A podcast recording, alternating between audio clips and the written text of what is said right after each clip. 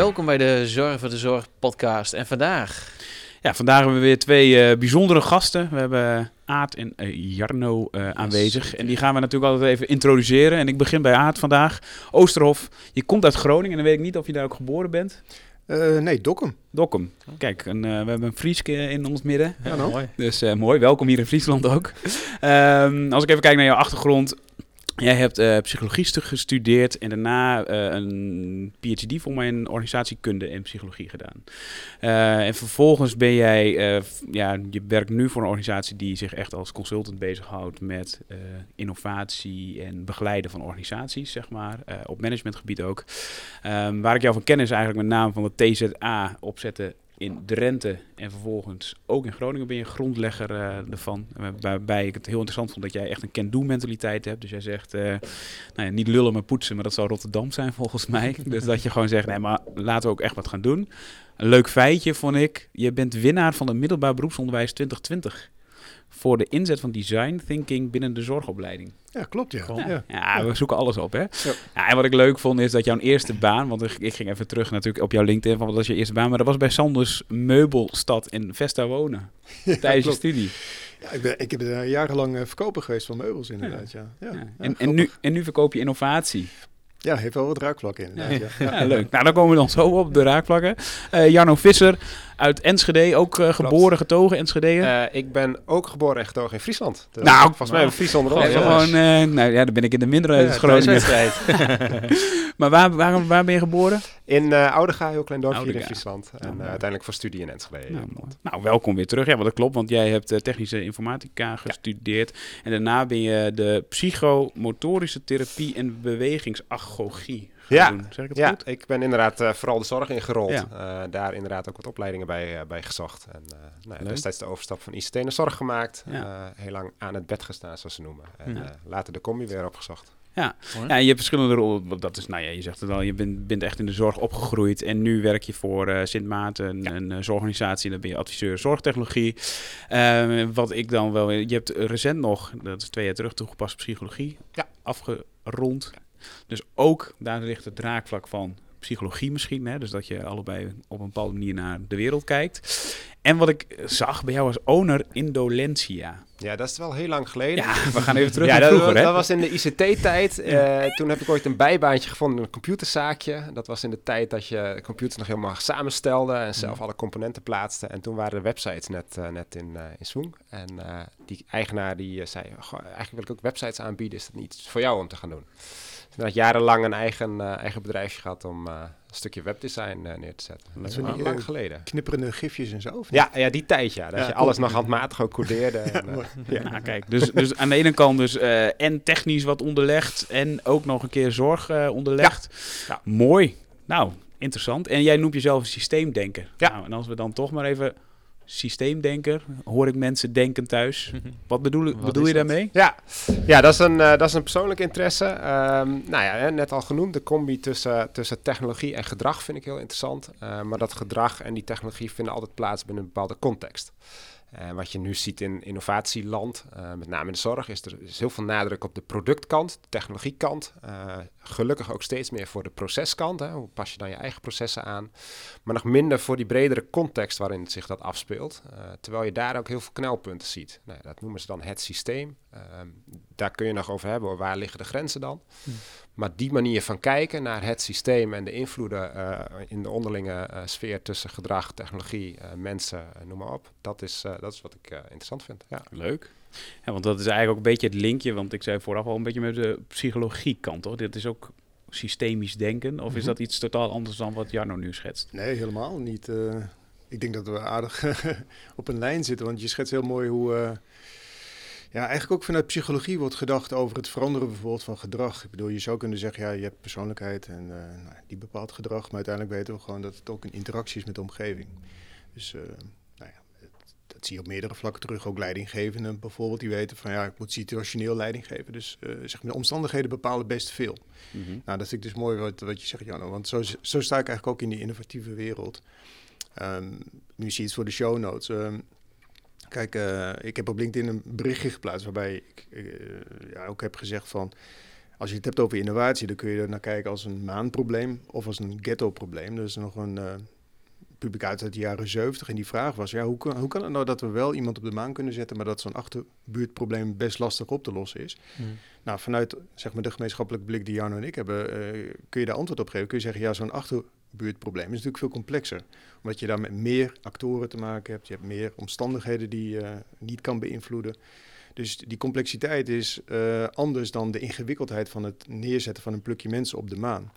En zo kijk ik ook naar die innovatie. Want uh, ten eerste, het is meer dan alleen ideeën verzinnen. Het is ook mm. veel meer die impl implementatiekant. En volgens mij heb jij daar ook in je werk veel meer uh, ja, ervaring mee um, dan menig persoon die daar niet zo'n blik op heeft. Hè. Ik bedoel, dat gewoon complex is volgens mij.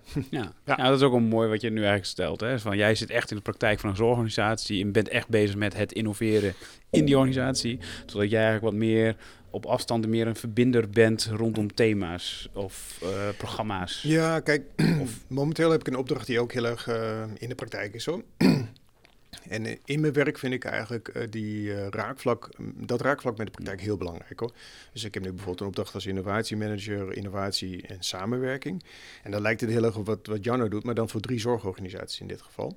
Dus ik heb eigenlijk ook wel um, ja, een beetje een broertje dood aan adviseurs die alleen maar langs de zijlijn staan. Dus als je kijkt naar ehm, hoe ik in mijn werk sta, dan is het juist om die verbinding tussen denken en doen. Hè? Zoals zei het ook in de introductie te maken. Dus denken en doen gaan bij mij hand in hand. Um, en dat vind ik ook het mooiste. Dus, dus actiegericht uh, innoveren eigenlijk. Ja, klopt. Nou ja, je moet ook gewoon snappen wat je aan het doen bent. En kijken, als je iets bedenkt, ja, wat voor effect heeft dat? En dat, dat vind ik het leukste. Ook vooral achterkomen dat ik uh, heel veel dingen niet weet. Want naarmate ik meer in deze wereld zit, komt het besef ook veel meer dat ik veel meer niet weet hmm. dan dat ik wel weet. Dus het volgende honingraadmodelletje voor implementatie, dat is niet mijn ding, zeg maar. Ik denk dan, ik kan beter erin stappen en dan maar, proberen te snappen waar het over gaat. Maar is dat ook dan de toekomst, de zorg voor de zorg, dat actiegerichte uh, onderzoek? Is dat, is dat de toekomst hoe we gaan kenderen of is dat systeem, denk ik? Wat, wat, hoe gaan we de toekomst in? Nou, ik denk beide wel. Um, als je kijkt naar hoe, hoe uh, technologie zich ontwikkelt en hoe langzaam organisaties in staat zijn om het te adapteren, echt die implementatievraag, uh, ja, dan ligt daar nog echt wel een stukje winst. En uh, ik, ik vind het wel mooi dat jij dat maanprobleem noemt, want we doen heel vaak alsof technologie dan de oplossing is. Mm -hmm. dus continu op zoek naar nieuwe technologie, terwijl technologie is er genoeg. weet je als, je, als je de parallel met de maan trekt, er zit tegenwoordig meer technologie in mijn horloge dan de mensen nodig hadden om op de maan te komen. Dus daar, dat is niet het knelpunt. Het knelpunt is uh, hoe gaan we dat, uh, die technologie met z'n allen implementeren? Hoe gaan we het ook echt anders doen met technologie? Um, nou, dat, dat, is meer een systeemvraagstuk. Uh, ja, hoe gaan we het dan ook anders doen? en vooral ook met z'n allen. Het is niet alleen die, die medewerker die straks de technologie gebruikt, maar misschien ook wel die leidinggevende en de hele organisatie en de ondersteunende staf en de zorgverzekeraars en misschien ook wel de overheid. ik denk dat daar nog wel een, een winst te behalen valt. Ja. Ik vind het ook wel mooi hoe je dat schetst, want um, Volgens mij vinden we elkaar dan ook weer in die filosofie dat het uiteindelijk veel minder om dat technische hulpmiddel gaat, als wel om hoe gaan we het werk anders doen. En um, in die opdrachten waar ik nu in zit, is die vraag, die sociale innovatie, veel belangrijker en ingewikkelder eigenlijk. Uh, want uh, de zorg is op een bepaalde manier ingericht, hè? Uh, ouderenzorg, gehandicaptenzorg heel veel overlap, maar het zijn wel twee uitstroomprofielen. en uh, met steeds minder mensen op de arbeidsmarkt uh, die het werk in de zorg kunnen doen, moet je volgens mij ook nadenken van zou je, als je samenwerkt als zorgorganisatie, bijvoorbeeld uit ouderenzorg en gehandicaptenzorg, wat ik dus meemaak binnen die opdracht in het Groningen Zorgakkoord, dan krijg je heel andere ideeën. En dat is ingewikkelder, complexer dus, maar ook uh, veel boeiender eigenlijk. En dan wordt die technologie meer een hulpmiddel dan, um, en ook wel ingewikkelder, dan het leidende principe. Ja, maar dat is ook denk ik het lastige. Hè? Dus uiteindelijk, het is gemakkelijk om te kijken naar technologie. Het is heel praktisch, tastbaar. Hadden ze straks ook al over. Hè? Je kan een technologie zien, je kan hem ervaren, je kan hem in je handjes hebben. En dat vinden voornamelijk eindgebruikers dat fantastisch. Maar precies wat je zegt, uiteindelijk, hè? We, we hebben dan de VR-piep. Het gaat over VR-bril, maar uiteindelijk het gaat niet om die bril. En dat is ook niet wat wij verkopen. Uiteindelijk het is zo belangrijk dat je niet kijkt naar die technologie. Want over twee jaar hebben we andere brillen. En over vijf jaar en over tien jaar hebben we geen smartphones meer. En misschien hebben we dan geen brillen meer, want we lenzen hebben. Je, weet niet waar die technologie naartoe gaat. En daarom, precies zeg, die focus eraf halen. En daarom veel meer ook zitten op systeem denken, maar nou ja, het scenario denken is natuurlijk ook daarin heel Ja. belangrijk. Want hoe doe je dat in de praktijk dan? Want ik wil, jij bent ook binnengekomen, denk ik, ooit. Ja, dat, ik neem nu heel veel aannames, maar dat je ook dacht: oh, ik ga nu een product, ik ga innoveren. Ja, Nou, sterker nog, ik heb nog een artikel gelezen over de smart glass. Hebben, hebben wij zelf ook Ja. wel eens mee gezeten. Ja. Wat is daarin, ben jij daarin veranderd? Of hoe Ja. doe je dat nu dan Ja. ten opzichte van toen je begon? Apple maakt technologie voor iedereen toegankelijk. Voor zorgorganisaties zijn de producten van Apple zeer geschikt. eMac Pro ondersteunt medewerkers en patiënten onder meer bij de uitrol van Apple devices, beheer en trainingen. Kijk op emac.nl/slash zorg. eMac Pro. Apple voor professionals. Ja, heel erg. Ehm, kijk, ik heb een technologische achtergrond, hè, dus dat Ja. vind ik fantastisch. Ik ben van de gadgets en dat is super gaaf allemaal. Dus vanuit die insteek begin je dan ook met het stukje technologie. En dat is ooit begonnen toen ik zelf nog in de zorg werkte. Waarin ik merkte, hey, met technologie als interventie kan ik ook dingen voor elkaar krijgen Hmm. die ik anders niet voor elkaar had kunnen krijgen. Om een voorbeeld te noemen, ik heb heel lang gewerkt in de ambulante gezinshulpverlening. Eh, daar had ik een jongen die eigenlijk helemaal niet buiten kwam. Eh, die wilde ook niet naar buiten toe. Zwaar autisme. Ehm, nou, heel veel interventies opgezet, maar op geen enkele manier kregen, kregen we die jongen naar buiten toe. Totdat Pokémon Go uitkwam. En hij was alleen nog maar buiten Pokémons aan het vangen. Ja, maar dit is een stukje kracht binnen. van technologie. ja, precies, wilde niet meer. Een stukje kracht van technologie wat we eigenlijk nog weinig benutten. Nou, vanuit die push steeds meer met technologie gaan doen. ehm, maar daarin ook wel geleerd, die technologie eh, moet uiteindelijk wel een hulpmiddel zijn. Het moet ergens ondersteunend aan zijn. En als je het ondersteunend wil maken, dan vraagt dat veel meer een stukje sociale innovatie dan dat je met die technologie bezig bent. En wat is dan sociale innovatie voor eh, de, de luisteraars die daar een eigen idee bij hebben? Dat je met elkaar ook heel goed nadenkt over waarom doen we dit? Wat, Mhm. wat, hè, waar moet die technologie nu in ondersteunen? Dus het doel moet niet zijn, we zetten zoveel procent technologie in of zoveel mensen die gebruiken het. Nee, dat, het ondersteunt iets. Een stukje zelfredzaamheid of een stukje wendbaarheid, of wat dan ook. Ehm, en vervolgens met elkaar gaan kijken, wat moeten wij dan anders doen? Wat Mhm. moet ik anders doen als zorgmeester? Wat moet ik anders doen als leidinggever? Wat moet ik misschien wel anders doen als bestuurder? Zodat we dat met behulp van technologie ook waar kunnen maken. Ehm, en die technologie-push die we de afgelopen jaren heel erg hadden... en die ik ook heel erg had, is steeds meer naar de achtergrond verschoven. En we zijn nu steeds meer aan het kijken... oké, technologie is één van de hulpmiddelen die we hebben... om de problemen op te lossen in de zorg. Ehm, hoe kunnen we dat dan gaan doen op een manier... dat het ook echt ondersteunend wordt? Ik ben zo benieuwd. eh, hoe, kom, hoe kom je vanuit een technische wereld in de zorg terecht? Wat is je drijfveer daarin geweest? Eh, beide vanuit interesse. Eh, interesse in technologie, later interesse in mensen. Hoe werken mensen? Ehm, nou ja, en, en daar uiteindelijk een combinatie, hoe werken mensen met technologie? Leuk. Mooi. Ja. ja.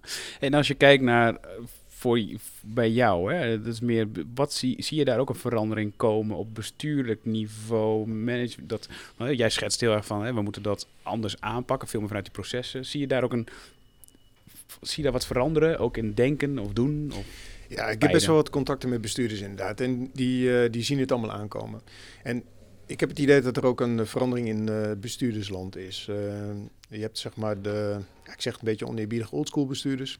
Die kijken nog, en die worden ook afgerekend door bijvoorbeeld hun raad van toezicht op hun eigen organisatie, goed managen. Maar je hebt ook een generatie die nu aan de... Aan het begin staat van, van hun bestuursperiode, die door hun RVT eigenlijk ook veel meer wordt benaderd vanuit bekijk het vanuit het grotere belang. Want samenwerken in de zorg, dat, dat, nou, dat hoor je Ens Kuipers ook van de week eh, bij Buitenhof zeggen, Mhm. daar moet het over gaan. En dat is niet vanzelfsprekend geweest tot op heden. En dat zie je steeds meer, want we moeten gewoon met elkaar kijken. Want die, die pool aan medewerkers die wordt niet groter.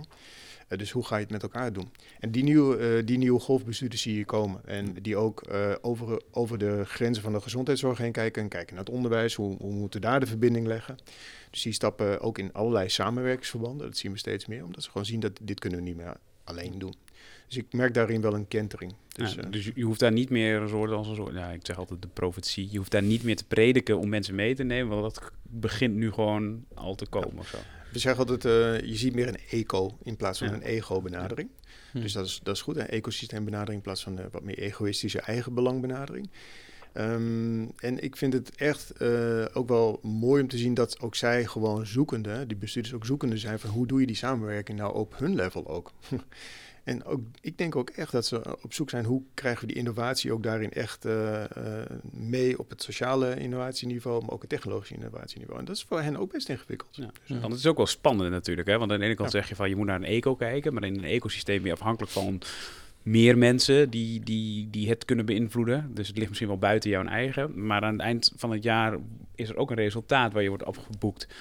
Hoe, zie je daar wel eens, heb je daar voorbeelden van waarin het spannend wordt en dat je dan toch een terugtrekkende beweging ziet? Of juist spannend wordt en juist een en wat ik zo mooi vond, ik had uh, van het weekend hoorde ik een uh, heel concreet voorbeeld van iemand uit een zorgorganisatie. En uh, nou, die had een gave technologie. Um, en ik vroeg ze wel, in hoeverre moest je daar een business case laten zien? En ik heb het er ook met Janno net even over gehad.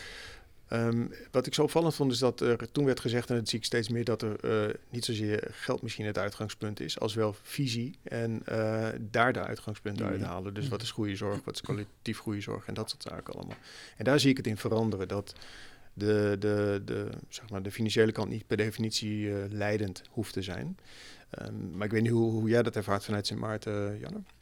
Ja, die omslag zie je wel. Uh, kijk, de, de, financiële prikkel is nog steeds heel groot uh, voor organisaties, omdat die vaak nou, onder druk van tarieven en personeelstekorten grote, grote kosten maken.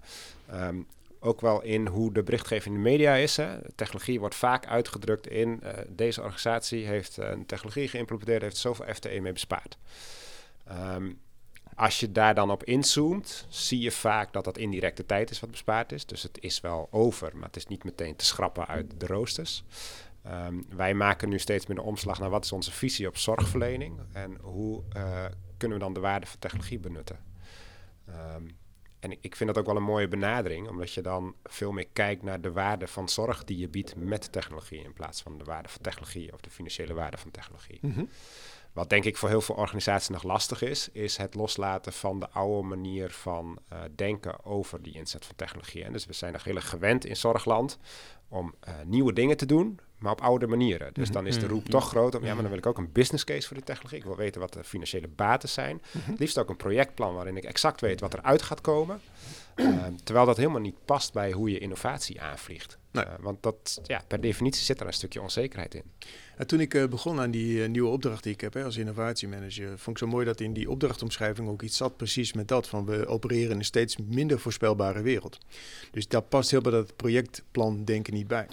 Het is wel handig om een projectplan te maken. Ja, omdat je weet van, nou ja... Een beetje structuur. Een beetje structuur denken om, nou, waar moet je allemaal om denken? Maar eigenlijk weet je ook, dat is de eerste versie van de geschiedenis, je plan. Hmm. Dus um, wat dat betreft... Um, Vroeger zeiden wij altijd, een jaarplan ook, is, het, is hetgeen wat we niet gaan doen aankomend jaar. ja, sorry. Nou, sorry. ik moest er een keer aan denken. Ja.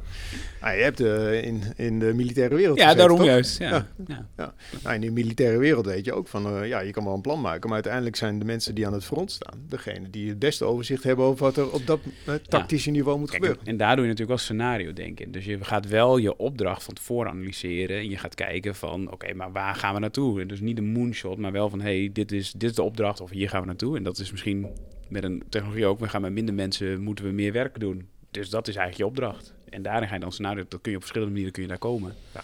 Uh, ja. Sorry dat je... Nee, maar, nee, maar ik vroeg erom, toch? Ja, ja. ja. Nee, maar ik vind dat wel interessant om, uh, om te kijken. En dat, uh, wat jij ook zegt, Jano, van... ja, plannen maken is wel nodig, maar de voorspelbaarheid is er niet. Ja. Nou, en hoe kun je wel stappen maken in een onvoorspelbare wereld? Dat, ja, technologie, dat kan... technologie is onvoorspelbaar. Ook dat. Ja. Weet je, dat, dat, in, dat innoveert die... door en dat verandert. Wat ik zeg, met alle technologieën. Weet je, wat we gisteren nog uh, niet hadden, is morgen heel gewoon. Maar wat ik jullie hoor zeggen is eigenlijk die maatschappelijke business case. Want, dat zo, uh, want Filans heeft daar ook best wel wat al uh, aan, aan promotie of promotie, maar die wat stukken over. Die maatschappelijke business case waarbij het gaat over zachte baten, zachte kosten, harde baten, dat soort dingen. Dat is eigenlijk wat je in kaart brengt. Nou, ik ben daar ook wel helemaal, daar sta ik ook wel echt achter. Alleen dat betekent wel dat je vanuit de organisatie dus visie daarop moet hebben voordat je dat echt goed kunt gaan uitrollen. Want anders blijf je uh, met die oude paradigma's staan. Die zeggen, ja, maar ik wil... Het is leuk dat je deze... Maar wat, wat kost het en wat levert het me op? In mm -hmm. euro's. Dus dat is wel wat jij Dat is, dat is het werk wat je gedaan hebt of aan het doen bent. Ja, waar we nu als organisatie ook steeds meer Ja. mee bezig zijn. We maken nu die omslag, waarbij eh, het steeds meer gaat over welzijn in plaats van kosten of zorg Ja. of eh, de, de harde kant van Mhm. de zorg. Ehm, wat ik wel mooi vind om te zien is dat, eh, je had het over scenario denken. Ik, ik merk wel dat de scenario's worden steeds groter. Hm. Dus voorheen was het scenario vooral over hoe kunnen wij dit als organisatie nu oplossen, Mhm. dit probleem. Nu zie je al, oeh, we hebben een regionaal probleem. Hoe Ja, kunnen we dit als regio aanpakken? Hm. Ja. En hoe efficiënt is het dan dat we om 7 uur s ochtends bij die flat in, eh in Enschede met drie verschillende organisaties staan met de Mhm. auto? Of zou je daarin slimmer kunnen samenwerken? Dan heb je het nog Ja. niet eens over technologie. Nee. Nee, dan heb je het gewoon over procesinnovaties. Precies. Ja. Ja. Maar dat is precies een mooi voorbeeld ook, want dat is ook het, een van de uitgangspunten binnen het Groningen Zorgakkoord. Hè. De, een van de locaties waar ik dan eh, eh, voor innovatie en samenwerkings eh, andere blik erop moet zorgen, is eh, een eh, locatie in Appingedam, waar drie zorgorganisaties ehm, moeten samenwerken. Precies vanuit dit eh, perspectief en deze gedachte eigenlijk ook. Van hoe, eh, hoe zinvol is het om hier met drie auto's te komen aanrijden. Je moet veel meer nadenken. Nou, je hebt de bewoner in Appingedam, hoe kan ik die eh, zorg of welzijn geven? Dus, En, en wat zijn daarin dan de uitdagingen? Want het klinkt Mm. heel simpel. Het klinkt gewoon, nou, prima, jij zegt het. Maar ik denk dan, marktwerking. Dus de overheid heeft dat gedaan om iets te beslissen. Ik denk aan, hey, ik werk een ECDA en jij een ja, ECDB. Ik denk, of... Of is het zo gewoon zo simpel? Ja, ik weet het niet hoor. Kijk naar jullie. Nou ja, dit- je noemt nu al de uitdagingen die er Ja. liggen. Hè? Dus oké, dan, dan gaan we dat niet doen. En dan gaat, gaat het, de ene dag gaat auto 1 en de andere dag Ja. gaat auto 2. Ja, hoe kom je dan inderdaad bij dat dossier van die andere organisatie? Ja. Dat zijn uitdagingen. Hoe kom je binnen? Hè? De sleutelkastjes, dat is allemaal verschillend. Ehm, wat denk ik de, de, het belangrijkste is, en dat ervaren wij nu ook in, eh, in Twente met name, is dat je het ook gewoon moet doen. Hm. En dan kom je die knelpunten wel tegen. juist. En dus- dan kun je ze daarna gaan oplossen. In plaats van, nou, laten we eerst een jaar met een hele projectgroep gaan bedenken hoe dit er dan moet uitzien. En er dan alsnog in de praktijk achterkomen. Oh, hier hadden we niet aan gedacht. En dat is dus dat prototyping. Dus dat is Precies. eigenlijk van, gewoon dit proces gaan we gewoon eens anders doen. En gewoon eens kijken van, experimenteren, waar komen we dan te lopen tegenaan. En hoe reageert het systeem daarop? Precies. Verschillende lagen van het systeem, hoe reageren die erop? Dus nou, dat dat, het gewoon doen. dat, dat, dat is soms een lastige. Ehm, waarom? Omdat we eh, natuurlijk opereren in een, in een zorgsysteem wat heel anders is ingericht dan hoe we nu aan het doen zijn. Hmm. Eh, hè, dus je, je, je ziet daar een beweging ontstaan. Eh, organisaties en mensen gaan het ook daadwerkelijk anders doen. Maar hoe we het financieren en hoe we het eh, moeten verantwoorden, verandert nog niet zo snel mee. Nee. Nou, dat is ook een knelpunt wat je dan tegenkomt. En dat is nog wel een uitdaging, want dat ga je ook in je eentje als organisatie niet aanpassen. Nee. Nee. Hè, dan kom je eigenlijk weer op het stukje samenwerking. Hm. Eh, nee, ik, ik, ik, maak het, ik maak wel eens een vergelijking met eh, de gezinnen waar ik kwam. Hè. Het was ook hele complexe problematiek.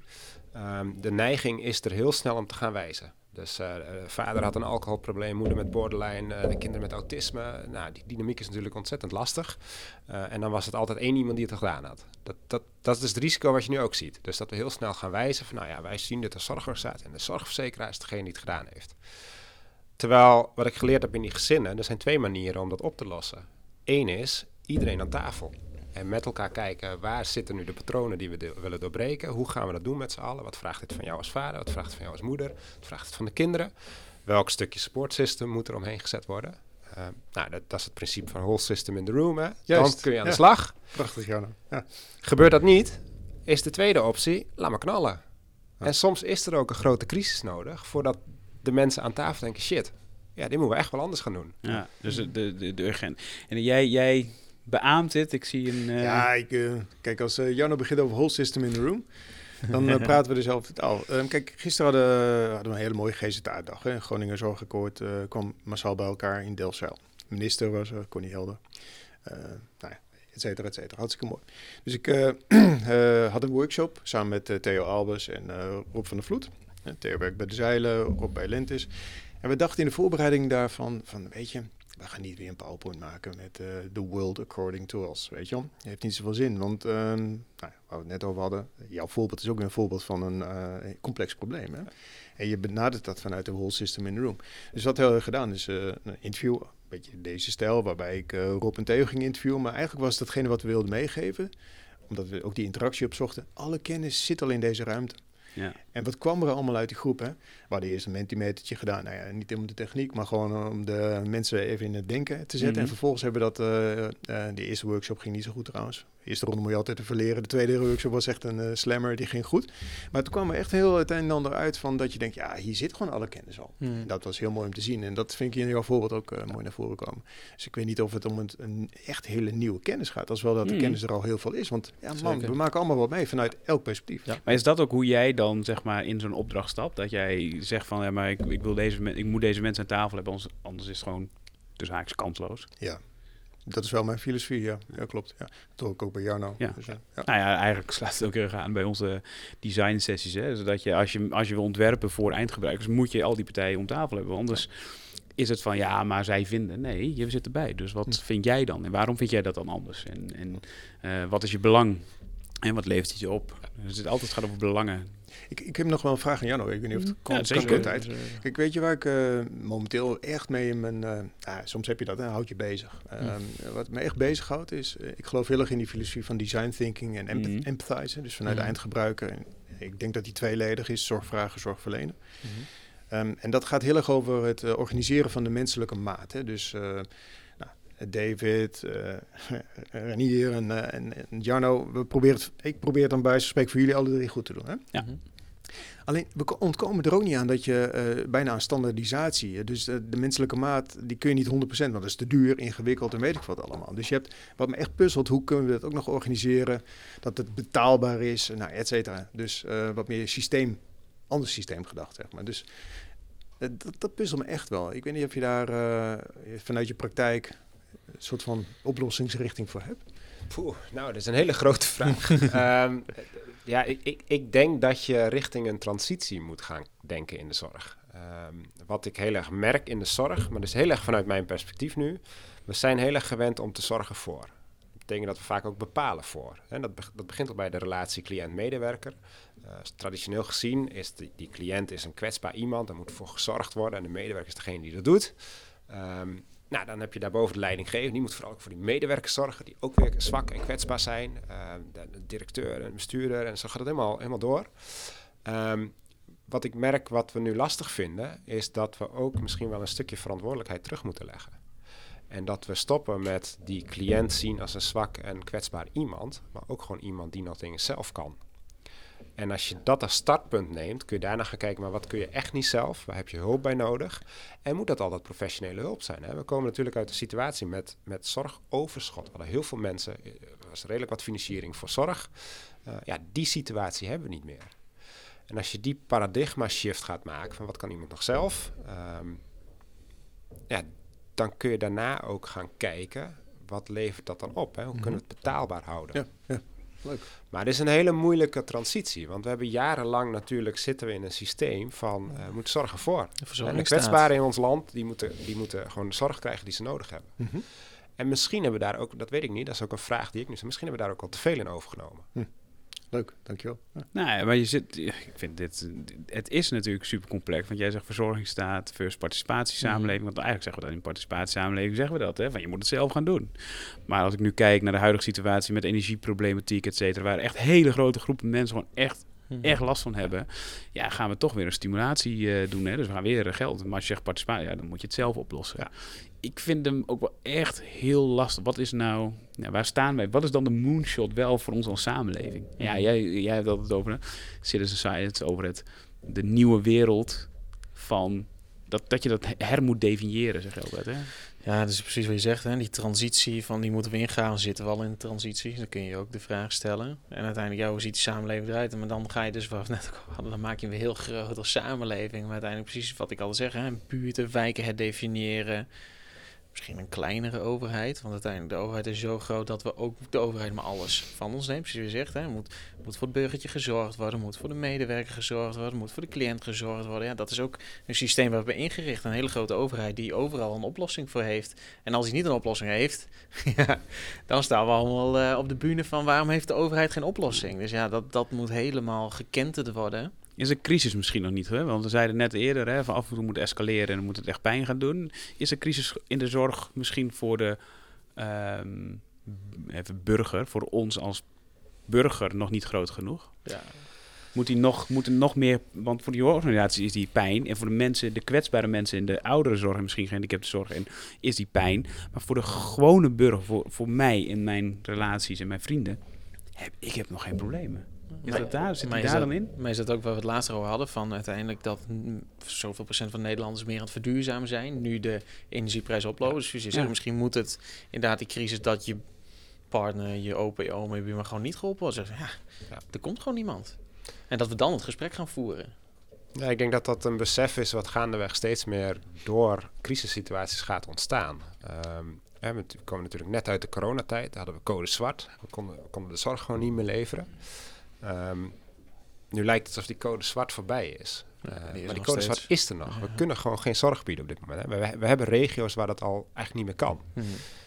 Waar de, het, het, eh, het besef nog moet komen, is dat dat impact heeft op jou.